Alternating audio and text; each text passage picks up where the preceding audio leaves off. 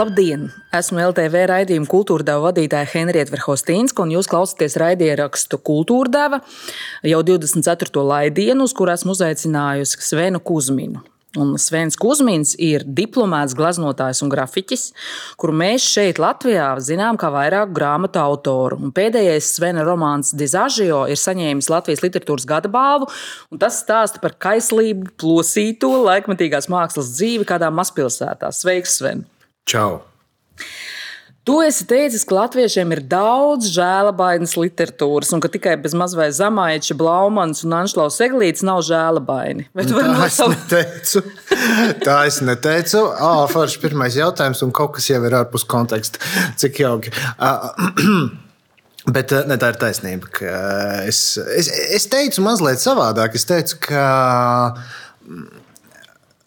ka man gribētos, nu, lai tās žēlabainās literatūras būtu mazāk nekā viņas ir pašlaik. Nu, protams, ka proporcionāli. Bet tu vari nosaukt kādu žēlabainības piemēru? Nu, es negribu tagad saukt žēlabainības nu, piemēru. Aizgājušie labāk... autori, kur nevar protestēt. Uh, nu, nu, Jauns Udrabiņš ir žēlabains. Nepārāk. Nē, nē, nē, nē nesevišķi. nesevišķi. E, par, es negribu tagad lūk, izteikties par tiem, kas mums šobrīd uh, ir. Bet uh, nu, es domāju, ik viens ir skolas laikā kaut kad lamājies par kauju pie knipskas nu, un nosaukušo cibiņu un teicis, nu, bet lūdzu, vai tiešām.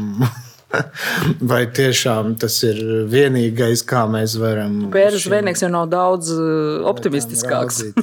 Viņš tas, tas, tas ir mazliet nu, optimistisks. Es nesauktu viņu par optimistisku, it nemaz, bet viņš ir tāds nedaudz, uh, nu, saproti, kā, mm, ja nopietni, tad vienkārši, mm, nu, es kaut kad jau skolas laikā sāku novērot, ka, tu zini, tāda liela pakļāvība un bezspēcība. Mm, tur kaut kādā 19. gadsimta latviešu literatūrā nezinu, kāpēc ir iestrādājušies kā tādi augsti personiski tikumi, pēc kā cilvēkam, nu, iespējams, tajā laikā nemaz nevajadzēja tiekties. Man liekas, ka tas tajā laikā varēja būt tāds dotais lielums. Bet um, nu, mūsdienās man tieši kaut kā vairāk gribas uh, literatūrā redzēt to potenciālu, to personības jaudu. Un, spēku. Jā, jā, jā, jā. Un, un, un tāpēc, tāpēc gribas ļoti redzēt, tieši, nu jā, gribas redzēt spēku, un jaudu, un varēšanu, un izdarību. Un, protams, ka, atvainojos, protams, ka neizslēdzot bez šaubām arī visas tās ciešanas no kurām sastāv dzīve. Jā, bet, mm, bet vienkārši. Tu zini, ar tādu koncentrētu skatienu raudzīties šīm ciešanām tieši sejā. Kaut kā tā. Bet, bet, jā, piedod, bet tur bija teikts, ka bez maz vai tikai Blaumans. Tā nu gan nav, ka bez maz vai tikai Blaumans. Nē, Zamaičs un Anšlaus Eglīts vēl tikai. es pēc tam, pēc tās intervijas gāju prom un domāju, ko es vismu Belševicu nenosaucu. Ne? To taču arī vajadzēja nosaukt. Es vēl, man liekas, nosaucu dažus citus. Es nu, bet tie nosaucu Andrievu Niedru un kaut ko vēl neatceros. bet, starp citu, romāns Dizāžio, par kur tu saņēmi uh, literatūras literatūras gada balvu patiesībā uz beigām arī kļūst smeldzīgs. Nu, es jau saku, neizslēdzot ciešanas, no kurām sastāv dzīve. Vai tas tiešām ir biogrāfisks gabals? Nu, tas nav manas biogrāfijas gabals. Manis tur vispār nav tajā mm, grāmatā, kā tāda prototypa. Nu, jā, es biju mm, sevi ierakstījis iepriekšējā grāmatā, kas, nu, kuras darbība norisinās tajā pašā vietā. Un, uh, tur es izmantoju daudz ko no dzīves pieredzes, un, dažas lietas pat aprakstīju visnotaļ tieši. Un tad šeit. Uzreiz man sāk strādāt fantāzija, kuras tieši. jā, bet šajā grāmatā nē, šajā grāmatā, nu kā, nu šeit runa par citiem cilvēkiem. Un 90. gadsimtam, kad tu biji mazs puika vēl. Nu, tur jau daudz ir. Tur sākas 70. un beidzas mūsdienās. Mm, un, un līdz ar to Nu, jā, likās, ka nu, no vienas puses es esmu no tās vides, bet uh, šis ir stāsts par kaut ko pavisam citu. Un tad nu, es tur esmu tāds tā satelīts, kurš to visu novēro. Bet nu, tu arī nāc no mazpilsētas. Ja mēs Reizeknu varētu saukt par mazpilsētu, nu, droši vien, ka varam saukt. Es nezinu, tas. Uh... Nu, es atļaušos to nosaukt par mazpilsētu. Čau, Reizekne. Henrieta to teica, nevis es. un, un tu intervijā ir teicis, ka tur esot reāli prototipi tiem daudziem jā. absolūti trakajiem cilvēkiem, jā. Kas ir minēti šai romānā. Jā, jā. Ne tikai Reizekne, ne, ne, ne tikai no Reizeknas tie prototipi, viņi no citurienes arī. Bet no Reizekneša arī tur ir. Es domāju, tie, kam vajag, tie zina. Un, kā, un, un viņi ir izlasījuši grāmatu? Es nezinu. Es ļoti ceru, ka. Jā, neviens prototyps nav zvanījis un teicis, ka Obonā. Nē, nē, pats galvenais, pats galvenais prototyps. Uh, Dainis Lapinskis. Uh, nē, nē, nē, tas nē. Uh, pats galvenais prototyps uh, ir zvanījis un taisnība sakot, arī klātienē mēs ar viņu esam runājuši. Un... Mākslinieks Jānis C. Uh, jā, bet es neteikšu pagaidām, kurš tas ir. Uh, bet uh, ar Jānu C. mēs pēc tam ilgi runājām par šo tēmu. Es uh, nodomāju, beig, beigās, ka, bet, protams, kā viņš, nu, man saprot, kā tā jau tāda ļoti liela atbildība. Kā kaut kādā noteiktā veidā parādīt to cilvēku. Pat ja viņš ir slēpts aiz cita vārda, tik un tā, nu pats jau viņš sapratīs, par ko ir runa. Ja? Un, un tad man bija viena brīdi, mazliet pat, nu, nu neteiksim, ka bail, bet bija tāda liela atbildības sajūta. Likās, nu, kā tad es tā, tagad esmu cilvēku parādījis diezgan atklāti. Un, un tad es vienā brīdī sapratu, ka nē, viņš taču ir mākslinieks, viņš zina, viņš glazno portretus no cilvēku sejām nepārtraukti. Un tur transformējot. Un nezinu, ko vēl. Jā. Protams, ka viņš to visu saprot, jo tas jau arī ir tāds literatūrā iestrādāts cilvēka portrets, kuram nav jābūt mm, ar simtprocentīgi realistisku līdzību dabai. Jo redzi, tur, nu, un tad, ja mēs turpinām mākslas, tēlotājs mākslas analoģijās runāt, nu, tad, protams, ka nu, viņi nav ar simtprocentīgu portretisku līdzību. Viņi nav tur kopēti no dabas. Jā.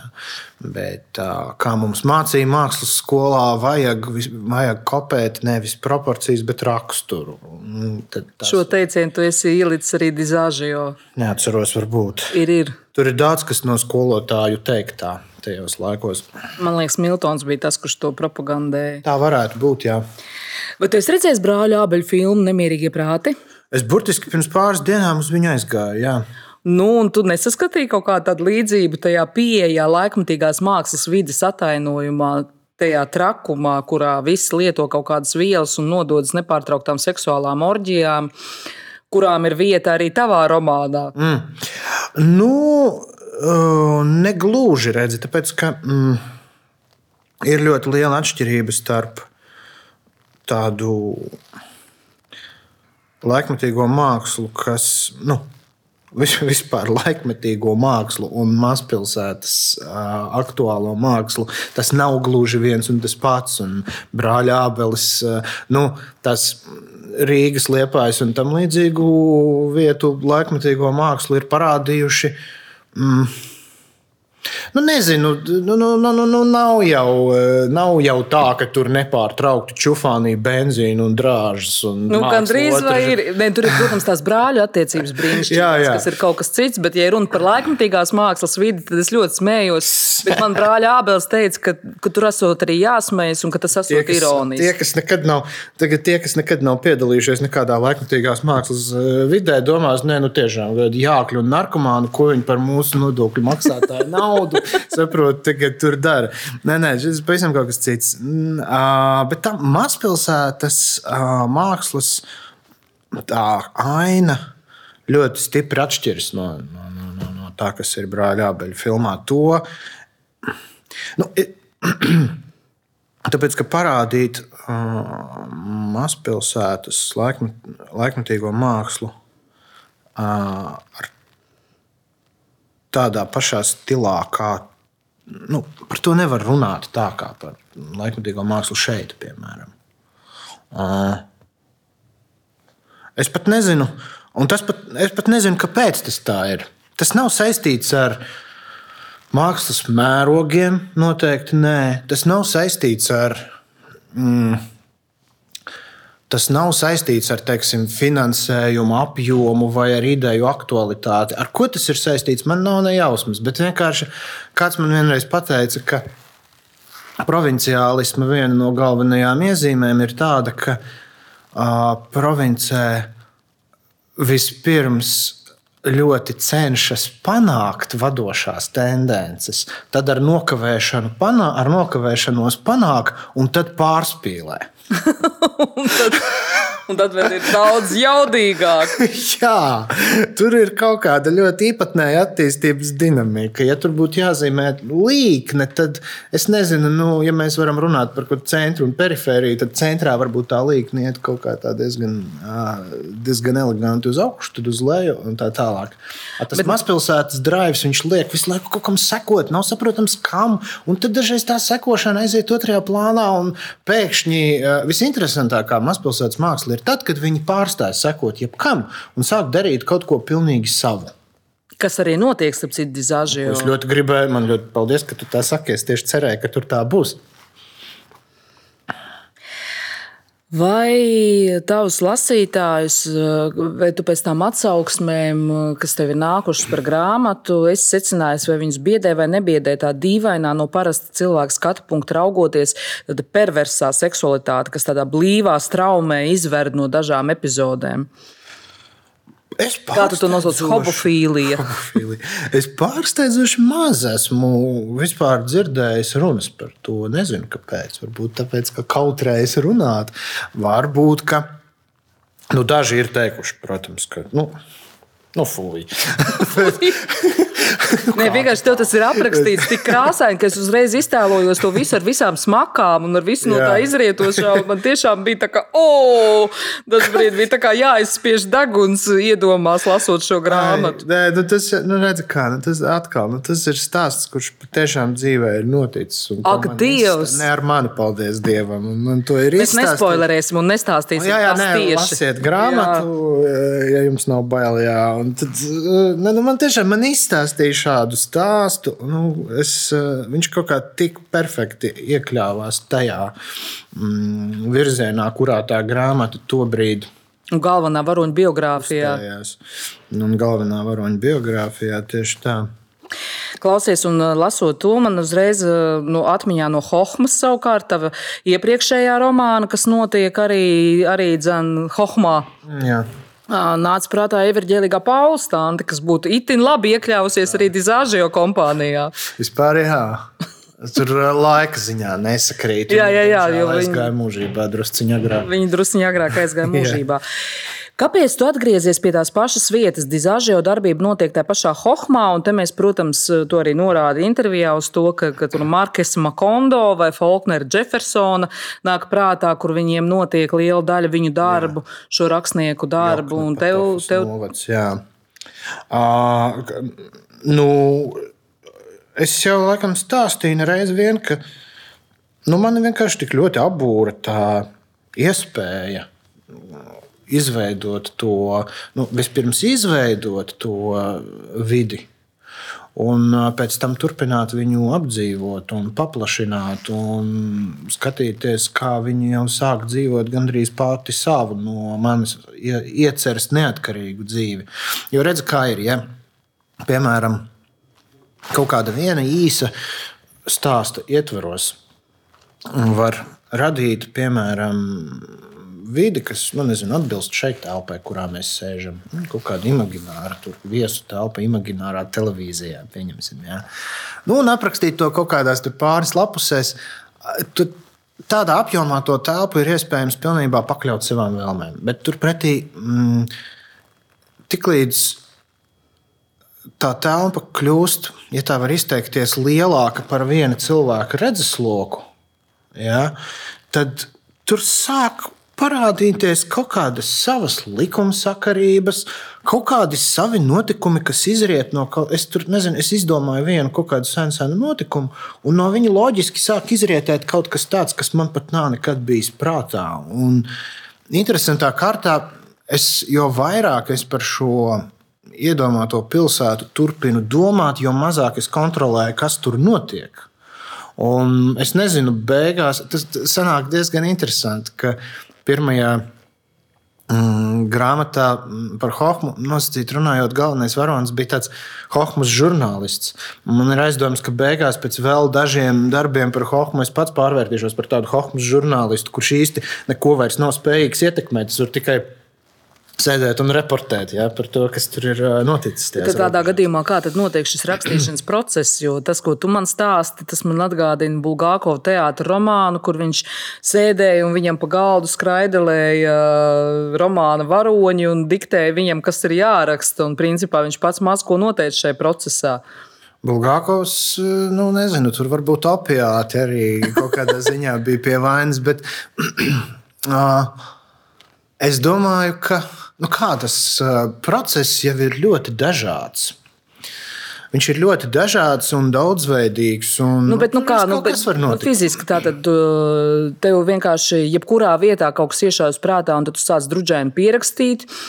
Nu, ne, vai tu tomēr pierakstīt, jā. jā, vai tu tomēr disciplinē sevi un, teiksim, katru dienu es rakstu četras stundas šo romānu? Nu, jā, es tādā ziņā liela formāta darbi prasa disciplīnu vienkārši laikietilpības dēļ, un arī tāpēc, ka nu, redz, tam rakstīšanas procesam tā ir nelāgā īpašība, ka viņi īsti nevar pāraut. Viņi īsti nevar tā, nu, ziniet, man tur pēc pusdienām būs divas brīvas stundas, tad es pasēdēšu un parakstīšu. Mm. Tas tā īsti nestrādā. Man vajag tur aiziet gulēt ar to ideju, un tad ar viņu pamosties un tā tālāk. Un tad sanāk, Man ļoti patīk, Inga Gābela vienreiz izteicās, ka rakstnieku profesija ir diezgan līdzīga tālbraucēju profesijai. Ja jau tu tur esi iekšā, tad tu, viņa, viņa prasa pilnīgi nedalītu uzmanību. Tā tieši pati rakstīšana. Bet uh, tas nav viss, no kā tas sastāv. Tas sastāv arī no kaut kā nu, daudz vairāk. Tā rakstīšana ir viena daļa. Bet, uh, Vajag arī Vākšana. tomēr kaut kā piedzīvot. Nu, vispār jau vajag vienkārši piedalīties dzīvē un kaut kur kaut ko noskatīt un saprast. Uzsūkt. Uzsūkt, jā, tieši tā. Un visdažādākajos veidos vienkārši iegūt to. Jo tu ne, jo, redzi, nekad nevar zināt, tā ar simtprocentīgu pārliecību nekad nevar zināt, kas no dzīves materiāla beig beigās būs piemērots iecerētajam darbam un kas nebūs. Vai kaut kā vienkārši, laikam, ja ir tas viens lielais darbs, tad vajag viņā ieskaņoties. Un tad vienkārši skatīties, kas apkārt notiek. Tad tev ir arī tādas piezīmes grāmatiņas, kā Čehovs Kājā Trigorinam, kurš tur ierauga uh, ierauga beigtu kāju un uzreiz izvēlas žetļiņu, baļšovras skazas, izžets nelielam stāstam. Nu, lai, cik, mm, lai cik klasiski un stereotipiski tas izklausītos, bet uh, Čehovs zināja, ko saka. Tas ir tieši tas, kā tas notiek. Tā, tā, tā ir tieši tā formula, pēc kuras tas notiek. Jā. Tā ir gandrīz vai es pat teiktu, ka tā ir galvenā daļa. Jo tu vari sēdēt 4, 8 un 48 stundas, ja tev nebūs tas sužeļņa baļšova raskaza, tad tu tās 48 stundas nosēdēsi pa tukšo. Kaut kam tur ir jābūt. Jā. Un, protams, jā, tas ir kaut kā jāvāc, jābūt vācējiem. Klausies, Sven, ja tev tik ļoti patīk tā mazpilsēta, par kuru tu nu pat aprakstīji tos diķerāmus par to, cik brīnišķīgi ir. Bet tu dzīvo tomēr Rīgā. Jā. Nu, Nav, nav jau tā, Nevis tā Makondo šos... vai Jeffersonā. nu, nav jau tā, ka man viņi tik šausmīgi ļoti patīk. Nu, vienkārši mīļa viņi ir kādā, bet arī nevienmēr. Dažreiz viņi ir iebjas. Es starp citu atceros, um, es taisīju raidījumu personību 100 gramu kultūras par Ditu Lūriņu, un viņa ir no Liepājas. Viņa teica, ka, ka viņa kaut ko ir sasniegusi dzīvē nevis pateicoties Liepājai, bet par spīti Liepājai. Jo Liepājā vienmēr zina, kā ir labāk. Tur jebkura tante zina, kā tev ir jādzīvo, un vai tu esi par esnu vai par tievu, un kā tev ir jāizskatās. Un tad par spīti Liepājai un Liepājas tai, tādai, tādai videi viņi ir izsitusies un kļuvusi par to, kas viņa ir, par nacionālo teātrus prīmu. Tas ir jauki. Vai to tu vari teikt arī par rēzekni? Nē, latgaliešiem tas nav pārāk raksturīgi.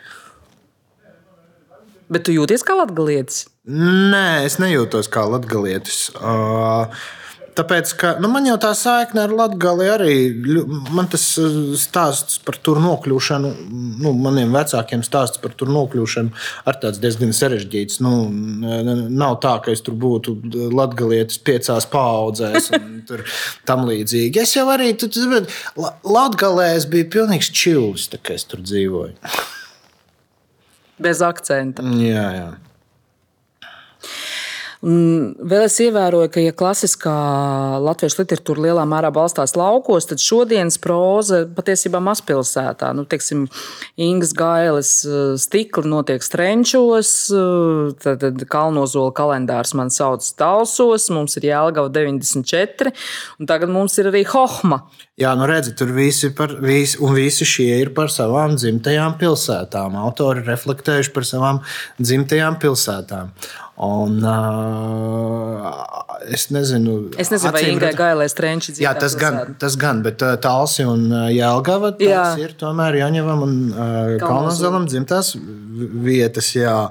Nu, tad var teikt, ka es varbūt esmu dzimis kaut kādā nemateriālā iztēles sfērā. Visādā ziņā es esmu uzaugusi iztēles sfērā vairāk nekā realitātē. Tā, tāpēc varbūt man dzimtā pilsēta ir izdomāta atšķirībā no citiem, kam ir īsti. Nu, tu esi pārcēlis reizekni pie jūras. Bet tā taču, Henrieta, nav obligāti reizekne. Tāpēc, ka es esmu dzirdējis no talsiniekiem, ka izklausās baigi pēc talsiem, un no ventspilsniekiem, ka izklausās baigi pēc ventspils. Es lieku no Jorkšīras. Es tā kā par, par, par kuldīgu domāju. nu, tu redzi, kā. Un reizekniešiem tas izklausās reizek, pēc reizeknes. Un es esmu arī dzirdējis no Yorkshires tādu līdzīgu. Oh, jā, tas viss saprotams. Tu esi diplomāts, mākslinieks un uh, grafiķis, un tu pats arī veidojis vākus gan Hohmai, gan Dizāžio. Vai nē, es pareizi saku? Tie ir tevis paši veidoti. Cik bieži tu ķeries pie otras vai zīmuļiem šobrīd? Mm. Nu, tā konsekventi galvenokārt tieši tad, kad uh, ir uh, runa par tiem vākiem.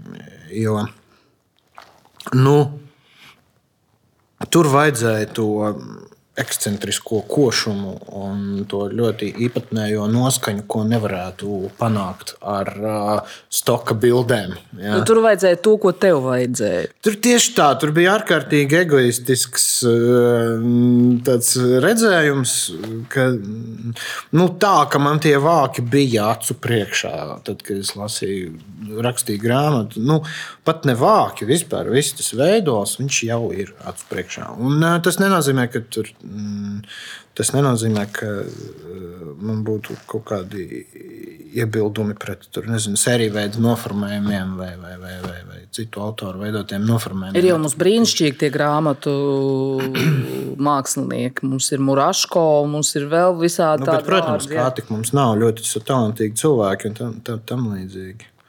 Bet vienkārši Hohma nesen iznāca Slovenijā. Es ieraudzīju slovēņu vāku, kas bija.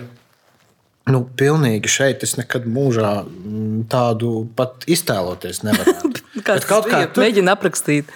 Nu, tas bija tāds akvareļu zīmējums, kur bija uzgleznota daudz dzīvokļu, laikam, māja. Uh, jūras krastā, un tur tāds vientuļš cilvēciņš gāja no tāda sola. Bet tas viss bija uh, nu, ne no fotografijas glaznots. Tas bija vienkārši glaznots ar akvarelīti. Un tik jauki, nu, tāds, tāds, tāds, tāds košs, bet uz balta fona. Un, Nu, es nevaru iztēloties, kurš šeit kaut ko tādu varētu izdomāt. Lasītājiem, kurš varbūt nav redzējis uh, grāmatas Hohma latviešu vāku, es teikšu, ka tur ir tāds melns siluets ar košu apsēju ap acīm.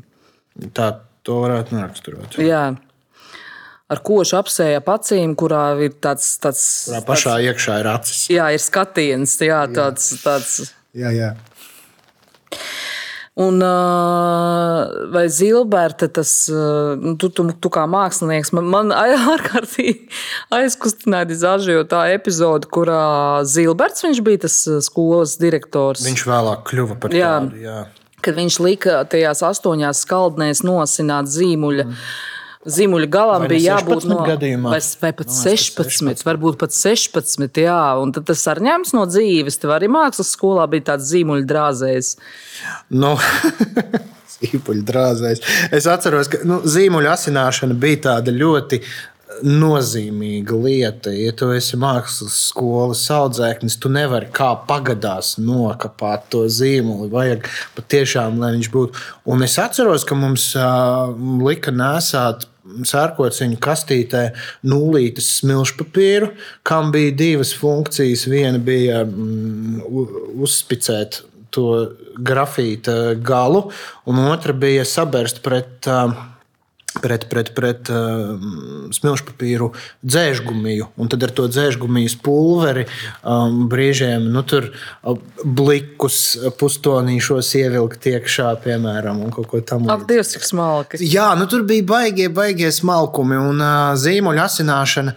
Viens bija par tām šķautnēm. Man liekas, ka mums uh, šķautnēm, skaldnēm, nē, tas ir skaldnes, laikam, tās plakātas. Uh -huh. Jā. Uh, viens bija par tām skaldnēm. Bet es arī atceros, kā mans tēvs asināja zīmuļus. Viņš asināja zīmuļus ne ar kaut kādām skaldnēm. Viņš arī tās šķautnītes pēc tam nolīdzināja. Un, kad viņš bija uzasinājis zīmuli, tas zīmulis izskatījās vienkārši pilnīgi apaļš, tā it kā viņš būtu asināmajā. Bet tikai ar to atšķirību, ka asināmajā nekad nav iespējams dabūt tik smailu to piramīdu. Uh -huh. ja? Tas ir atbildot uz jautājumu Kāpēc tad vajag? Ja, pasaulē, kurā eksistē zīmuļi asināmie, priekš kam to darīt? Tāpēc, ka asināmie dod tādu ļoti platu leņķi. Viņam jābūt šauram, tad, lai tev nu, tā kā adata, lai būtu. Lai būtu tā kā adata. Jā, tad tu vari izstrādāt līdz materialitātei to zīmējumu. Bet no ārpus grāmatu vākiem tu nezīmē. Tev nav, piemēram, nu, tavam, jau kaut ko šādu. Jo, piemēram, tavam metīžu teātra biedram Tomam Trēbergam ir tendence zīmēt visu kaut kur visādas ķiņķēziņas. Un, kad mēs savulaik bijām ar viņu abi divi producenti kultūras ziņās, tad es nomainot viņu, vienmēr atradu uz galda visādas salvetes un papīra gals, uz kurām bija kaut kāda vīriņa ar lieliem deguniem un izvaldītām acīm. jā, jā, Toms atstāja tādus sveicieniņus. Man ir vesela kolekcija ar viņiem. Uh, nē, nu, protams, nē, nu, pazīmēju, pazīmēju jau kaut ko šādu. Es tā, tā sevišķi nepublicēju vienīgi nekur. Netaisīju izstādes.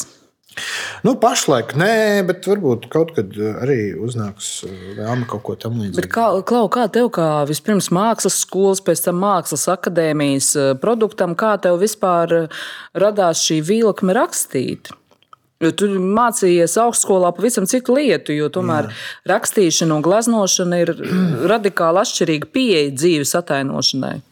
Nu, tu zini, kā ar to rakstniecību. Mm, ja tu paskaties, tur nezinu, vispār pasaules literatūrā, vēsturē. Tagad nu, maz jau ir patiesībā tādu rakstnieku, kas ir vienkārši rakstnieki. Vienmēr ir rakstnieks un vienmēr ir rakstnieks, kurš kaut kādā veidā ir piedalījies dzīvē un tad tajā mm, rakstniecībā iekļuvis. Nu, tur, Anšlaus Eglīts arī bija mākslas skolas produkts. Lūk, izdzīvojās pa to vidi. Tad ienāca. Jauns darbs ar glaznoju. Nu, redz, jā, un, un, un, un tā vienmēr Bukovskim, manam mīļajam, ir vesela grāmata, vesels romāns veltīts tam, kādos darbos viņš ir strādājis. Un, nu, Paprasti jebkuram, kurš kaut ko raksta. Viņš kaut kādā veidā ir piedalījies dzīvē, un no tās dzīves skolas ienācis rakstniecībai. Redzi, rakstniecība jau iemācās kā. Nu, piedalījies dzīvē un daudz lasi. Un, nu. Jā, Inga Abela bija dramaturgi. Viņa apgūta dramaturgiju un, un sāka strādāt teātrī. Jā, un viņa arī lido ar gaisa balonu. starpā. Nu, starp rakstniekiem var atrast visneiedomājamākos uh, dzīves stāstus. Jā, tur ir tā kā man bija dizāžotajā mm, anotācijā aizmugurē rakstīts. Tur var atrast jebko izņemot garlaicīgu biogrāfiju. Un tava biogrāfija nav garlaicīga. Mana biogrāfija, man liekas, ir salīdzinoši mierīga, ja skatās uz dažiem citiem. Nu, mācījās kaut kādā mākslas skolā, nu, kaut ko tur glaznoja. Nu, tas jau neka, neka, nekas tāds. Nu. Nav, nav bijis tā, bet nu, tā vētrainā bohēma, kas ir aprakstīta Dizāžio un arī dažviet Hohmā, nu, tā vai tā tev ir skārusi? Nu, protams, man viņa ir arī ļoti mīļa. Man liekas, arī, ka. Nu, redzi, kā Mēs jau pirmie sākām mazliet par šo runāt, ka nu, tādam skatītājam, kurš varbūt līdz galam nezina to mm, procesu, var likties, ka jā, tagad ko viņi par manu mm, naudu, jā, tagad. Uh, Nu, kā jau es teicu, drāžas un čūfāni, benzīnu un nezinu, ko vēl dara. Ja. Un Bet, tie darbi tādi, ka es tādu, mans trīsgadīgais arī varētu, varētu tā jā. izdarīt. Jā. Un, nu, starp citu, dizāžā jau par šito bija. Tur bija no Marsela Dišāna, ka, protams, ka tu varētu. Kurš tev ir teicis, ka tu nedrīkst būt mākslinieks? Tu taču drīksti, bet, protams, ej un dari, ja tu ļoti to jūti, ka tev vajag. Uh, bet, nu, redzi, mākslā ir ļoti svarīgi arī visi citi starpā, lai tu varētu nu, kaut kā vienkārši drusciņi nodedzināt kaut kādu daļu savas dzīves. Nu, kaut kā nu, vienkārši nobumbulēt tās pāris dienas, un kaut kā tas, ko es visu laiku saucu, atkārtojoties par piedalīšanos dzīvē. Nu, māksla nekļūs labāka no tā, ka tu uh, dzīvosi kā mūks klosterī un katru dienu no rīta ausmē līdz krāslai vienkārši tur rakstīsi savas skriptūras. Tas tā nestrādā. Tur vajag kaut kā to. Tur vajag tās vienmēr paplašinātās robežas. Tur vajag mm, vienmēr to brīvo plūsmu. Un, ja nav brīvas plūsmas, to alkoholu. Nē, nu kāpēc? Nav jau obligāti alkohola. Ir jau arī viss, kas cits labs izgudrots pasaulē. Nē, nu tas nav. Atkal, nu redzi. Uh, Man būs jācitē mm, viena gudra sieviete, kas savulaik pateica, ka uh, jums jaunieši jāsaprot, ka bohēma nav dzeršana. Bohēma nav dzeršana. Tā ir taisnība. Bohēma nav dzeršana. Bohēma vispār ir svarīgi saprast, ka bohēma uh, kā jēdziens ir vispār radusies uh, kaut kad tur, nezinu, 19. gadsimta sākumā no bohēmijas čigāniem, no klejotāju taboriem patiesībā, jo tas bija tāds mietpilso, lielā mietpilsoņa skats skaudība, ka staigā te kaut kādi krāsainos kankaros un dzīvo kā grib. Un dzied un dejo. Un dzied un dejo, ko viņi te vispār iedomājas. Un tas ir, protams, mīts. Nekādi bohēmijas čigāni tie nebija, bet vienkārši nu, bohēmijas reģionā Romu tautām, nu, vispār Romu nezinu, klāniem, kas tur tobrīd atradās, vai kā to pareizi saukt nu, viņiem vienkārši juridiski bija mm, daudz, liel, daudz vairāk tiesību nekā citās Eiropas uh, valstīs. Ja, un, uh, līdz ar to no turienes radās tas jēdziens bohēma. Bohēma nozīmē mm, dzīvo brīvi, dzīvo kā grib. Un, uh, un, Tas ir tāds gandrīz vai mākslas priekšnosacījums. Vienkārši būt uh, brīvam prātā, brīvam jūtās. Varbūt, varbūt tas ir nozīmīgi. Un, un tāpēc ne jau visiem, un tieši tāpēc ne jau visiem labiem māksliniekiem obligāti jābūt alkoholiķiem un narkomāniem. Bet būt brīvam prātā tas gan ļoti svarīgi. Vai tu tāds esi? Es ļoti brīžiem cenšos tāds būt. Un es taču arī neesmu tik naivs un saprotu, ka à, tagad es kaut kā pārāk sevi ierobežoju. Jābūt brīvākam, vajag tagad daudz dzert. Protams, ka tas tā nestrādā. Ja? Bet, bet, bet, bet, um, bet kaut kā noņemt sev robežas, tas atkal ļoti svarīgi un brīžiem ļoti grūti.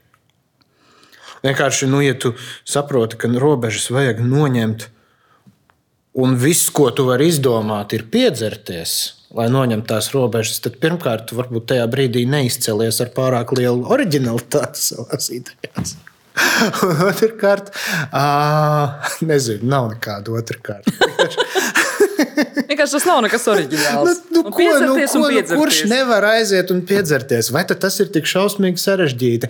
Nav vēl arī starp citu teikts, ka tas arī dos to mm, domas brīvību. Bet es citu, atceros, es tagad nelietoju alkoholu jau diezgan uh, vairākus gadus. Bet es atceros, ka kas man patika alkohola lietošanā, tas ir tas pirmais brīdis, kad tu pareizi saki, ka tev tāds sajūta, ka tās robežas kaut kur pastumjās malā. Jā. Un tu tā kā celies, un tu tūlīt lidosi. Mm. Kaut kas būs tas tā, tā pirmā rēbuma sajūta, kas mm. ir tiešām. Problēma vienmēr bija ar to, ka tu vienkārši nekad neapstājās. tas tas nonāca, nonāca mazliet arī tālāk. Jā, jā. Nu, pie tās sajūtas var vēl ļoti dažādos veidos tikt patiešām. Kad tu, mm, nu, vienkārši tie pašcu- pašcensūras mehānismi kaut kādā brīdī arī ir jāatslēdz. Dažreiz viņi drāņķi tādi negrib slēgties ārā. Vai kāpēc tev bija vajadzīgs etīžu teātris Nerten? Vai tieši šīs brīvības dēļ? Es nezinu. Vajadzīgs. Ko nozīmē vajadzīgs? Vai tad mākslā kaut ko dara, tāpēc, ka tas ir vajadzīgs? Nu, teiksim, par rakstniekiem, par rakstniecību mēs teiktu, ka tā ir ļoti introverta nodarbe. Jo tu, principā, tomēr esi pats ar sevi. Etīžu teātris tas ir kaut kas ļoti publisks, jo tev tomēr nāk skatītāji, viņi uz tevi skatās, tev ir jāimprovizē, tev ir jābūt artistiskam, tev ir jābūt uh, vērstam uz publiku. Mēs tam citu improvizējam ļoti maz. Man eh, tas joprojām jā, jāpaskaidro. Mēs tomēr tā diezgan visu iestudējam. Bet, uh, nu, dažreiz gribas darboties publiski. Nu, kur, Pilnīgi tā, ka gribas. Nu, dažreiz ir vēlme darboties publiski. Zini, kā nu, ar to rakstīšanu ir tā, tu jau. Mm, uh, nu, interesanti. Vispār jau mums tas teātris sākās kā tāda izteikti literāra iecerē. Tev un Tomam Trēbergam. Jā, mums ar Tomu.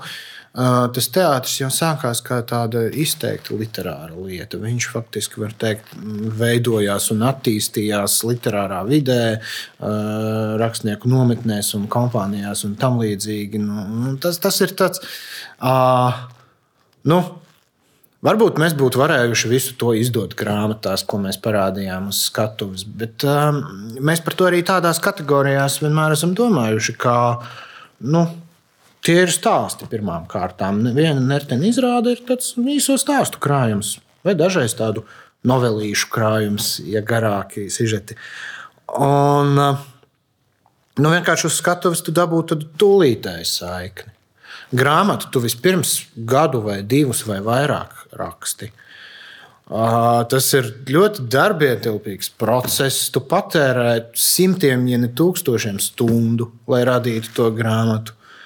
Uh, tad viņi iznāk. Un tad tu diezgan ilgu laiku neko nedzirdi, jo nu, tas nav tur. Nav ātri izlasīt grāmatu. Nav ātri izlasīt grāmatu. Tad vēl nes, nevar pat zināt, vai tie, kas tev pēc tam kaut ko saka, ir izlasījuši līdz galam. Nu, tur, un arī vai tev kāds vēl kaut ko pateiks, varbūt nokautrēsies un nepateiks. Respektīvi, ar grāmatu tev neviens negarantē, ka būs atgriezeniskā saikne. Tu riskē ar to, ka viņas var arī nebūt. Uh, teiksim, nu, Uh, nu, labi, tevi var uzaicināt uz pāris intervijām, piemēram, ja tu dabū gada balvu. Bet, ja nedabū, tad var arī neuzaicināt. Un, nu, respektīvi, ar grāmatu ir tā, ka tu, nu, ja tu gribi atgriezenisko saikni, ja tu viņu gribi simtprocentīgi, un ja tev patiešām viņa ir ļoti svarīga, nu, tad varbūt rakstīt romānus nav gluži pateicīgākā nodarbe.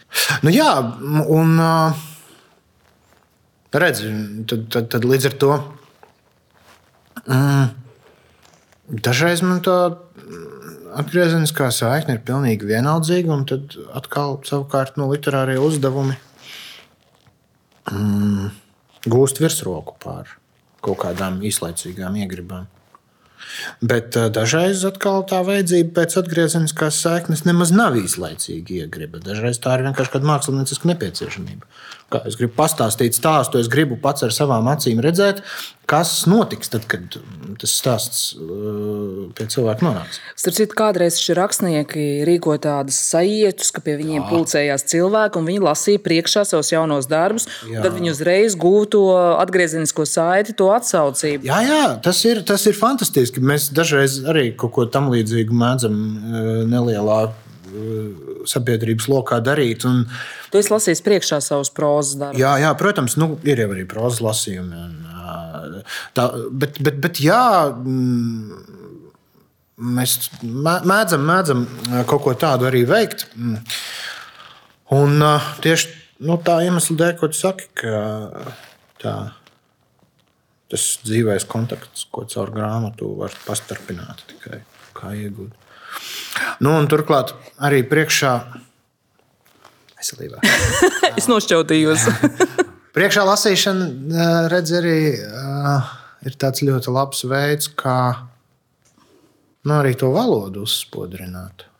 Jo uh, viens ir uzrakstīts uz papīra, uh, Bet es arī visu, ko es esmu uzrakstījis uz papīra, pēc tam pārlasu skaļā balsī. Tas ļoti labi palīdz saprast, vai neķerās, vai tas teksts ir. Tu esi ierakstījis, varbūt? Tu... Nē, nē, es vienkārši uzreiz, nu kā, tad, kad es kaut ko rediģēju, uzrakstītu, tad es lasu skaļi, turklāt, nu, nevis pusbalsī, bet tiešām pilnā balsī, lai vienkārši redzētu, ka nu, neķerās, neklūp nekur. Bet iedomājieties, ka dizāžio varētu būt jau arī audio grāmata, paša Svena Kuzmina, tomēr etīša teātra aktiera balsī varētu būt audio grāmata. Nē, es vispār esmu pret audio grāmatām. Ja jā, es gan klausos diezgan regulāri. Jā, jā vēl pasaki, vēl, ka mašīnā. nē, nē, es pastaigās. Ah. Es nebraucu ar mašīnu, es ah. kājām, tad es ļoti bieži klausos. Nē, nu ir jau ok klausīties audio grāmatas, protams, bez šaubām, bet nu, tā ir vēl atsevišķa saruna par lasīšanas. Um, redzēju, uh, uztveri. Bet, zinu, ko es esmu piefiksējis, ka tad, kad es, nu, es vairāk lasu, protams, tradicionālajā formātā, grāmatā, nu, dažkārt e-grāmatā. Bet tad, kad es noklausos audio grāmatu, man kaut kā detalizētāk paliek atmiņā. Es nezinu, varbūt man vienkārši ir dzirdes atmiņa. Varbūt. Bet man detalizētāk paliek atmiņā grāmata, kuras es esmu noklausījusies, nekā kuras esmu izlasījis. Jo, kad es esmu izlasījis, man vairāk paliek tāda ideja, tāda sajūta. Nu, redzi, tad, jau tu, tad, jau, tad jau tu zini ļoti labi, ka tā, tie ir dažādi uztveres veidi, un līdz ar to tie ir dažādi žanri. Un, un, un, nu, Uh, nu jā, nu tas ir, zini, visi šie te, uh, teātris režisori mēdz būt pret teātris skatīšanos ierakstā. Un, nu, Tā tad žanra augšana, kā dziedāt par sportu, varbūt. Nu. Cilvēki ir dziedājuši par sportu. Es pieņemu, Galu galā Olimpijādas senajā Grieķijā bija nu, redz, arī pulcēji arī dzēnieki. Jā, nav nekādas fans. nu, labi, labi, es te tagad tēloju kaut kādu svētuli un esmu pret audio grāmatām. Es pats, protams, dažreiz arī kaut ko audio formātā noklausos, bet nu, apzinoties, ka tā ir, tas ir cits uztveres žanrs. Un, tas ir kaut kas, kaut kas pilnīgi cits. Man ir ideja kaut kādām, protams, audiālām raidlugām, ir, ir, ir idejas kaut kādām raidlugām, ko es uh, grasos kaut kad nākotnē īstenot. Un, uh, tā, nu, teiksim, iedomājies, luga, kurai nav vajadzīgs vizuālais. Mm. Tas ir baigi forši. Bet tas, ir, jā, tas ir vēl viens žanrs. Tas ir radioteātris. Jā. Kas ir brīnišķīga lieta, starp citu. Mm. Ļoti mīlu un cienu. Tas, kas man pēdējā laikā nomāca, man tas jautājums par normalitāti. Tas man sāk nomākt, protams, pēc 24. februāra kad eh, sāka likties, ka normalitāte ir kaut kas, par ko būtu jājūtas vainīgam. Nu, kad tu esi normāls, ka tu normāli piecelies no rīta, dzer to savu kafiju, skaties mm. saulē, mm. priecājies par to, kā lapas plaukst un, un tā tālāk. Un, eh, un ka šī normalitāte tajā Ukraiņas kara fonā ir kļuvusi par kaut ko kā gandrīz neleģitīmu. Tev ir bijušas tādas sajūtas? Nu, es esmu no normalitātes vienmēr stāvējis ļoti tālu. Un... Kas par atziņu? Tur par to nē, nu, normalitāte ir kaut kas tik ārkārtīgi nosacīts. Nu, es tur domāju, tādu normālo dzīvi. Ikdienišķo, dzīvi. Jā, ikdienišķo dzīvi. Jā. Jā.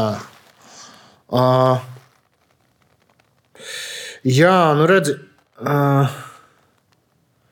grūti arī ar to vienmēr ir bijis. Nav jau nekāda tāda pārāk liela ikdienišķu. Man par nožēlu vai par laimi viss vienmēr ir diezgan, diezgan nu, ar ļoti plašām variācijām. Es tev varu pateikt pavisam droši, ka, e, nu, ja tevi nomāca normalitāte pēc 24. februāra, jā, ikdienišķums, bet man ar normalitāti un ikdienišķumu, piemēram, nav nekāda sakara, bet man pēc 24. februāra nomāca vēl kaut kas cits. Vispār pēc 24. februāra nomāca viss. Normalitāte, nenormalitāte, kas kuram bija, tas to arī nomāca. Mm. Redzi, nomāktība, man liekas, ir atslēgvārds, nevis, nevis, nevis tas, kas nomāca. Kā sadzīvot ar to sajūtu šobrīd? Jo, jo tas Ukraiņas karš ir nu, jau pāri pa 80 dienām, Jā. viņš ir ilgs un ir skaidrs, ka tas tik drīz nebeigsies. Un, un mēs pamazām pie tā pierodam, un no tās sajūtas arī rodas vēl tāda papildus vainas apziņa. Nu, pat bija dzējas lasījumi uz Noasa, ko Toms Streibergs organizēja. Un, uh, tur bija dažādi autori, kuri katrs pa savam reaģēja uz notiekošo. Un, uh, man ļoti patika, ko teica Andris Akmentiņš. Viņš ļoti trāpīgi un koncentrēti izstāstīja to. Viņam, viņš bija noraksturojis Nu, viņš tā ļoti, viņš tiešām tā pašrefleksīvi atskatījās uz to, ka, ka, kam viņš cauri ir izgājis un cilvēki viņam apkārt. Un viņš teica, tā, ka nu, pirmā reakcija, protams, bija tas lielais trieciens, visi kā ar putekļu maisu dabūja. Ja? Uh, un neskaidrība vispār, kas tas ir. Ko darīt? Kā rēģēt? Nu, ko? Nu, Arī bailes, ka tas tūlīt būs tepat. Nu, jā, un nu, ļoti daudz kā. Nu, nav ko visi to zina, vai ne? Nu, pat, nu, pat visi to esam piedzīvojuši. Tas pēc tam otrā fāze. Kad jau nomierinās tas afekts, jo afekts pāriet agrāk vai vēlāk, eh, tad, tad viņš tā kā pierimst, tad sākas mm, aktīva domāšana par risinājumiem, ko darīt, kā dzīvot, kā būt pret karu. Un, un tad trešā fāze, un šī ir svarīgā lieta. Viņš teica, trešā fāze, pēkšņi tu saproti, ka visa tava dzīve ir pretkarš, lai ko tu arī darītu. Un, uh, un tad tu vienkārši turpini darīt savu lietu, bet tu to dari jau kā gudrāks un pieredzējušāks cilvēks Jo uh, nu, kā, nu, bija, bija, bija tas, kas bija, viņš turpinās, bet tu vienkārši saproti, ka mm, dažreiz viss, ko tu vari, ir vienkārši būt. Un, uh, It kā izklausās tā ļoti vienkārši un mazliet ezotēriski, bet es domāju, es domāju, nu, daudz no tiem, kas tiešām ir šādās jūtās mocījušies pēdējos mēnešus. Ceru, ka ir spējuši tiešām nonākt nu, pie tās sapratnes, ka no ko mēs esam. Nu, jā, ir mums šāda dzīve. Nu, darām kaut ko. Nu, tā.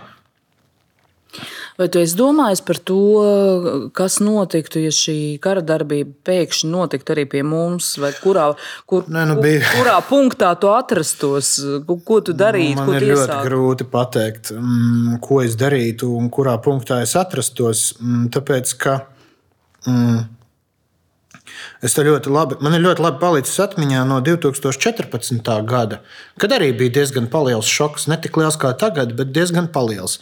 Un toreiz ļoti um, kaut kā pēkšņi visi bija sākuši uzdot jautājumu, vai tu ņemtu automātu un ietu. Nu, nezinu, kāpēc tieši automātu piedāvāja. Uh, un tad es tā iedomājos, ne, nu labi, ja tagad rastos kaut kāds tāds punkts, kurā izsniedz automātu ņemtu es to automātu, neietu, ko es ar to automātu mācētu vispār izdarīt. Uh, nu, mm, bet bija tāds, tajā laikā, kad tas bija pietiekami tālu. Uh, tad bija sajūta, ka es taču varētu paņemt automātu. Es taču varētu aiziet un visus sliktos apšaut. Bet uh, tajā brīdī, kad mm, redzi, problēma jau bija tāda, ka Tagad pie mums realitāte pietuvojās daudz, daudz tuvāk, un daudz iestājas skaitā sapratām, ka kādu automātu? Nu, būsim reāli. Sūdu es paņemtu ne automātu, nekas man tur nesanāktu. Un, uh, tas bija ļoti liels aplausiens. Nu, kā, ja, teiksim, tad, kad tas draugs ir pietiekami tālu, bet tomēr kaut cik saskatāms, tad tu redzi, ka nu, Tā, tu vari justies kā varonis, un daudzi no, noteikti varoņi starp mums ir. Uh, bet, bet daudz bet, arī nav. Bet kā, lielākā daļa nav. Paskaties uz Ukrāņu tautu, Zelenskis ir viens. Un otra nav. Nu kā, vēsture taču rāda savus Čērčilus un uh, nu, Čērčilus, un Napoleonus un Zelenskus un nu, lielās personības. Ja? Bet tās vienmēr ir kaut kādas tādas atsevišķas vienības, kuras nu, paveic to. Nu, Ukrānā jau šobrīd um, mēs vērojam, kā tur Azovs pulks pretojas Mariupolē. viens pats ieslēgts Azovs. Nu, tieši rūpnīcā. tā, varoņīgi viens no viņiem. Nu, jā. Nu, jā, nu, jā, un, es nezinu, ir ļoti grūti man te pirms. Pēc 24. februāra man te kaut kas pateica, es ciešu no kara. Rīgā dzīvojot. Un es teicu, pagaidi, tu cieti no kara, vai arī tu cieti no informācijas par karu? Ir tomēr zināma atšķirība. Ir, ir. Un, man liekas, nu, tā, kā, par ko es vispār runāju? Pirmīt? Tad, kad realitāte ir pietiekami tālu, tu vari rotaļāties ar domu, kāds tu būsi varonis. Tad, kad viņi sāk pietuvoties, tev jau ir jāsāk izvērtēt daudz reālāk, vai tu esi tas varonis vai tu neesi. Un ir ļoti daudz, kas ir bet ir arī daudz vairāk tādu, kas uh, nav. Un tas ir absolūti ok, tāpēc ka, uh, tāpēc, ka zini, uh, ja ik viens būtu ģenerālis, tad kurš tad būtu? Nu, kuri tad būtu tie pārējie? Nu, jā, nu, par to jau ir runa. Un, un man liekas, ka daudziem arī man tā skaitā, šis bija diezgan liels. Eh, nu, tā jau trieciens bija liels, un tad vēl pamatus satricināja arī tas, ka tu taču nezini, ka tu kaut ko varētu jēdzīgi šajā situācijā izdarīt. Saproti, kas man nu, tāda balstiņa man kaut kur galvā visu laiku skanēja. Un es kaut kā. Mm, Es eh, sūtu ļoti lielu sveicienu visiem, kuri šajā laikā ir um, sākuši apzināties ne tikai savu spēku un niknumu, bet arī savu bezspēku. Es domāju, daudzi var mm, dalīties šādās jūtās. Un man liekas, ka tas ir absolūti ok. Nu, tas jau ir liekas, tas, kas mums arī pēc tā 24. Jo padomā, ja nevienam nebūtu bezspēka, ja mēs visi būtu absolūti uh, varonīgi un, uh, un bezbailīgi, cīnītāji. Visi iestātos zemesardzē. Pilnīgi katrs viens simt procenti Latvijas iedzīvotāji iestātos zemesardzē. Vai tad mums būtu no kaut kā jābaidās? Šķiet, ka nē. Šķiet, ka tad mums pēc 24. februāra tieši otrādi visiem vajadzētu iestāties ārzemju leģionā un aiziet. Ja? Bet nu, realitāte parādīja to, ka Nu, nu, nu, nu, tas, nav, tas nav visu cilvēku liktenis, tas ir atsevišķu cilvēku liktenis. Bet tad, kad tā realitāte pietuvojas tik, tik jau nu tuvu, ka tu esi vispār pilnībā izdzīvošanas režīmā, tā kā Azovā, nu, tad iestājas vēl kaut kas cits. Es domāju, ka varbūt tad arī nav uh, vairs laika tik ļoti baidīties un pašanalizēties. Tad jau tā situācija ir daudz citādāka. Nu, ko, nu, ja, kur tur viņi augšā ir, nu tagad kaut kā atšaujies no viņiem. Nu, tā kā es, ne, es, ne, es nevaru to pateikt. Bet tas, kas man pārsteidza tajās viņu intervijās, kas viņiem tur no tās rūpnīcas pagrabiem dažkārt, ka viņi spēja nosūtīt tos savus ierakstītos video. Tas ir tas, ka viņi ir saraduši ar domu, ka viņi mirs. Jā. Kas man liekas, ir tāda cilvēkam ļoti grūti sagramojama doma. Bet viņi to tiešām ir pieņēmuši, ka tā tas var notikt, ka tā tas visticamāk arī notiks. Nu, redziet, tu īsumā izstāstīji visu to, ko es te jau kaut kādu diezgan ilgu laiku mēģināju apliņķiem ceļiem izstāstīt. Jā, nu, tu vienā brīdī, acīm redzot, tu saproti, ka nu, tas ir tā, kā tas ir. Nu, ko? Tu esi arī Rīgas laika redaktors. Mēs par šo tavu jomu neparunājām. Mēs parunājām, precīzāk sakot, bet pirms ieraksta, kad mēs dalījāmies, kuram tad ir grūtāk strādāt, kurā mēdījā vai televīzijā, kur ir nepārtraukts uh, radīšanas drudzis un ikdiena, un katru dienu ir deadline vai mēneša, ļoti nopietnā mēneša žurnālā, kuram arī ir savi deadline ir un savi sasprindzināti. kuram jāiznāk, man vienkārši nāk Rīgas laiks, tāpēc man ir Rīgas laika kule. Forši. Jo, jo man nāk Rīgas laiks uz mājām. Ar, ar Rīgas laika kule, ar sakrējiem burtiem. Jā. Un uh, izstāst, ko tu dari Rīgas laikā? Rediģēju tekstus, rakstu tekstus, tulkoju tekstus.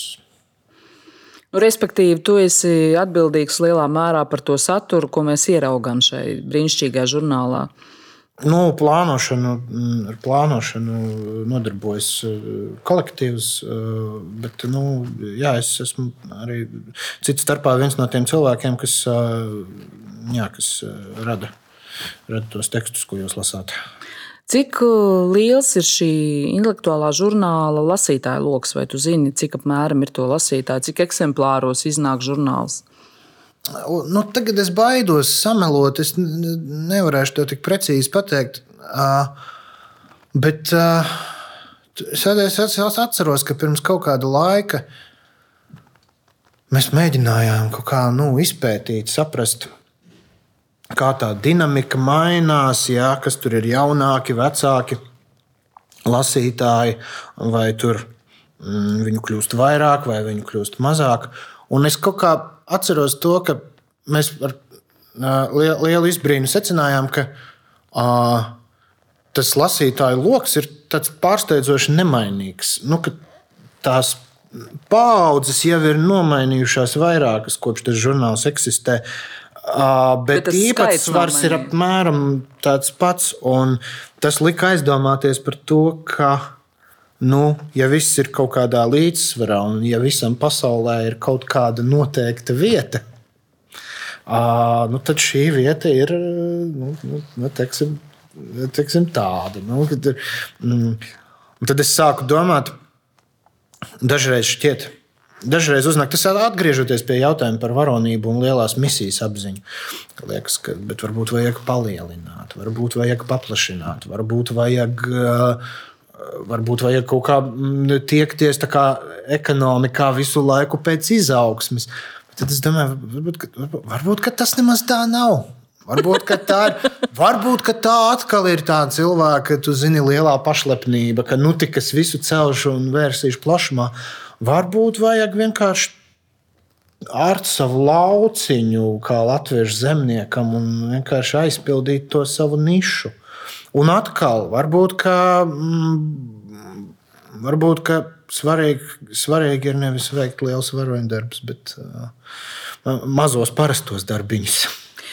Vai tev dažkārt nav bail domājot par to, ka nu, Rīgas laika burbulis, cilvēki, kur lasa Rīgas laiku, kuriem tas ir svarīgs, un kurus tas kaut kādā mērā raksturo? Nu, tā vismaz mums gribētos domāt tiem Rīgas laika lasītājiem. Bet kad, jūs kad, esat tik dažādi. Bet... Divus vienādus nekad neesmu sastapis. Bet tas burbulis tomēr ir neliels, un cilvēki, kam patīk domāt par domāšanu un lasīt par domāšanu, ka to nav tik daudz, vai tā ir biedējoša doma? Nu, nē, tāpēc jau ir tas, ko es pirmie teicu, ka es kaut kā esmu sācis nebaidīties no vispār no tāda veida domām, ka tur, nu jā, nesam tur pārāk lieli, nu jā, nesam tur necik aktuāli, necik varbūt. Ne, bet domājot par sabiedrību tādu, kopumā. Bet, par to jau es tagad arī runāju. Mm, Nu, varbūt, tā, varbūt tas nelielais mm, skaits Redzi, es nesauktu, pirmkārt, pirmkārt jau jā, jā, jāsāk laikam ar to, ka es nesauktu to par burbuli. Tāpēc, ka ļoti dažādi cilvēki no ļoti dažādām jomām brīžiem pat pārsteidz. Tu nekad nedomātu, ka kaut kādā tādā vietā pēkšņi lasa Rīgas laiku un izlasa tur starp citu kaut ko tādu, ko mēs pat nebijām varbūt iecerējuši un pamanījuši. Arī normāla situācija. Un, tā kā jā, līdz ar to. Nu, tas lokus, viņš vienkārši nu, to cilvēku ir tik, cik viņu ir. Man ir vairāk tāda sajūta, ka drīzāk mēs apkalpojam kaut kādu no šo cilvēku vajadzībām. Drīzāk tā. Vai lai domātu, nu, tādā Rīgas laika izpratnē, lai domātu, ir nepieciešama augstākā izglītība un svešvalodu zināšanas? Nē, protams, ka nē. nepieciešams drusku prāta un vēlēšanās. Nu. Atkāpties no kaut kādiem stereotipiem un kaut kādām schēmām gatavām. Nu kā, galvenais, jau ir, galvenais jau ir interese patiesībā. Tas jau ir patiesībā. Mm, es pat, es pat atļaušos pieņemt. Tas nekādā starp citu gadījumā, viss, ko es te tagad stāstu, nav arī redakcijas viedoklis nekādā gadījumā. Bet kaut gan varbūt viņš sakrīt, es nezinu, vismaz daļēji. Bet, Es te teicu, ka mēs varbūt apkalpojam kaut kādas noteiktas cilvēku daļas vajadzību, Varbūt tā interese ir tā vajadzība, ko mēs apkalpojam. Es nezinu, es tagad. Dzīve, interese. Dzīve, nepagurstoša interese, tieši tā doma, kas nepārtraukti, nu, kas ir gatava mainīties un attīstīties kaut kādā veidā. Nu, tur, mm, jā. Tieši kā reiz tādi viedokļi, tie, tie šobrīd ļoti populārie viedokļi mums ir interesējuši vismazāk. Nu, tieši vispār viedoklis kā fenomens. Nu, padomājiet, viedoklis, kam nav viedokļa. uh, un tad drīzāk, jā, drīzāk, tā, drīzāk tā interese ārpus uh, viedokļa un spēja varbūt kaut kādā veidā to domas virzienu. Uh, pamainīt, paplašināt, nezinu, pārdefinēt, varbūt kaut kādā veidā. Nu, bet atkal, nu, tas viss ir. Mm, tas viss, viss izklausās ļoti mm, pārāk cēli. Bet taisnība sakot, apsvērums jau patiesībā vienmēr ir daudz vienkāršāks nekā varētu domāt. Apsvērums parasti ir, būs interesanti lasīt vai nebūs. Tad, mm, pārsvarā jau apsvērums ir tāds. Būs interesanti. Tur jūs orientējaties uz sevi. Respektīvi, tu, Ulas Tīrons, Arnēs Rītups un Valdis Sābols. Sābols tā ir tā jūsu orientēšanās. Nē, ne tikai, ne tikai nē, tas, tas, tas lokus ir daudz plašāks. Mēs domājam par visiem saviem. Nu, draugiem, paziņām, nu, ne jau par visiem, katru mīļu brīdi mēs uh, domājam, runājot par to, vai būs interesanti vai nē, bet mm, Nu, vienkārši nu, vadoties pēc kaut kādas savas uh, un, un, un sev zināmu cilvēku izpratnes par to. Ka, nu, protams, ka mēs apdomājam, uh, nu, kurš to lasīs, kuru tas krata vispār. Jo, jo ļoti daudz kas no materiāla. Ļoti daudz kas no pieejamā materiāla arī neaiziet līdz uh, žurnāla lapusēm. Tā iemesla dēļ, ka nu, ir jau interesanti, bet nu, tu, tu, tu smiesies, bet uh, Rīgas laikam. Uh, arī ir apsvērums, ka nu, drusciņi jau nu pārāk šauram lokam. Pārāk margināli. Drusciņi pārāk jā, šauram lokam tas ir domāts. Uh, iedomājies, pat Rīgas laikā ir šāds apsvērums. Tad cik margināli ir tā parādība, par ko Rīgas laiks beig beigās izlemj nedrukāt. Tomēr. Tu, starp citu, intervijā ir um, atzinies, ka tev ir noslēdzis uz pašanalīzi. Nu, cik nu atzinos, uh, nu, jau nekāda beigā atzīšanās. Uh, Nu, gadās padomāju dažreiz. Tas nozīmē, ka tu esi arī paškritisks. Nu, jā, ļoti. Tāpēc arī droši vien vajag uh, to uh, kaut kādu speciālu piepūli veikt, lai atbrīvotos no robežām mākslas, mākslas vārdā, mākslas vajadzībām. Nu, jo, zini, kā paškritikas mehānisms, viņš jau beigās maitē. Tā ir.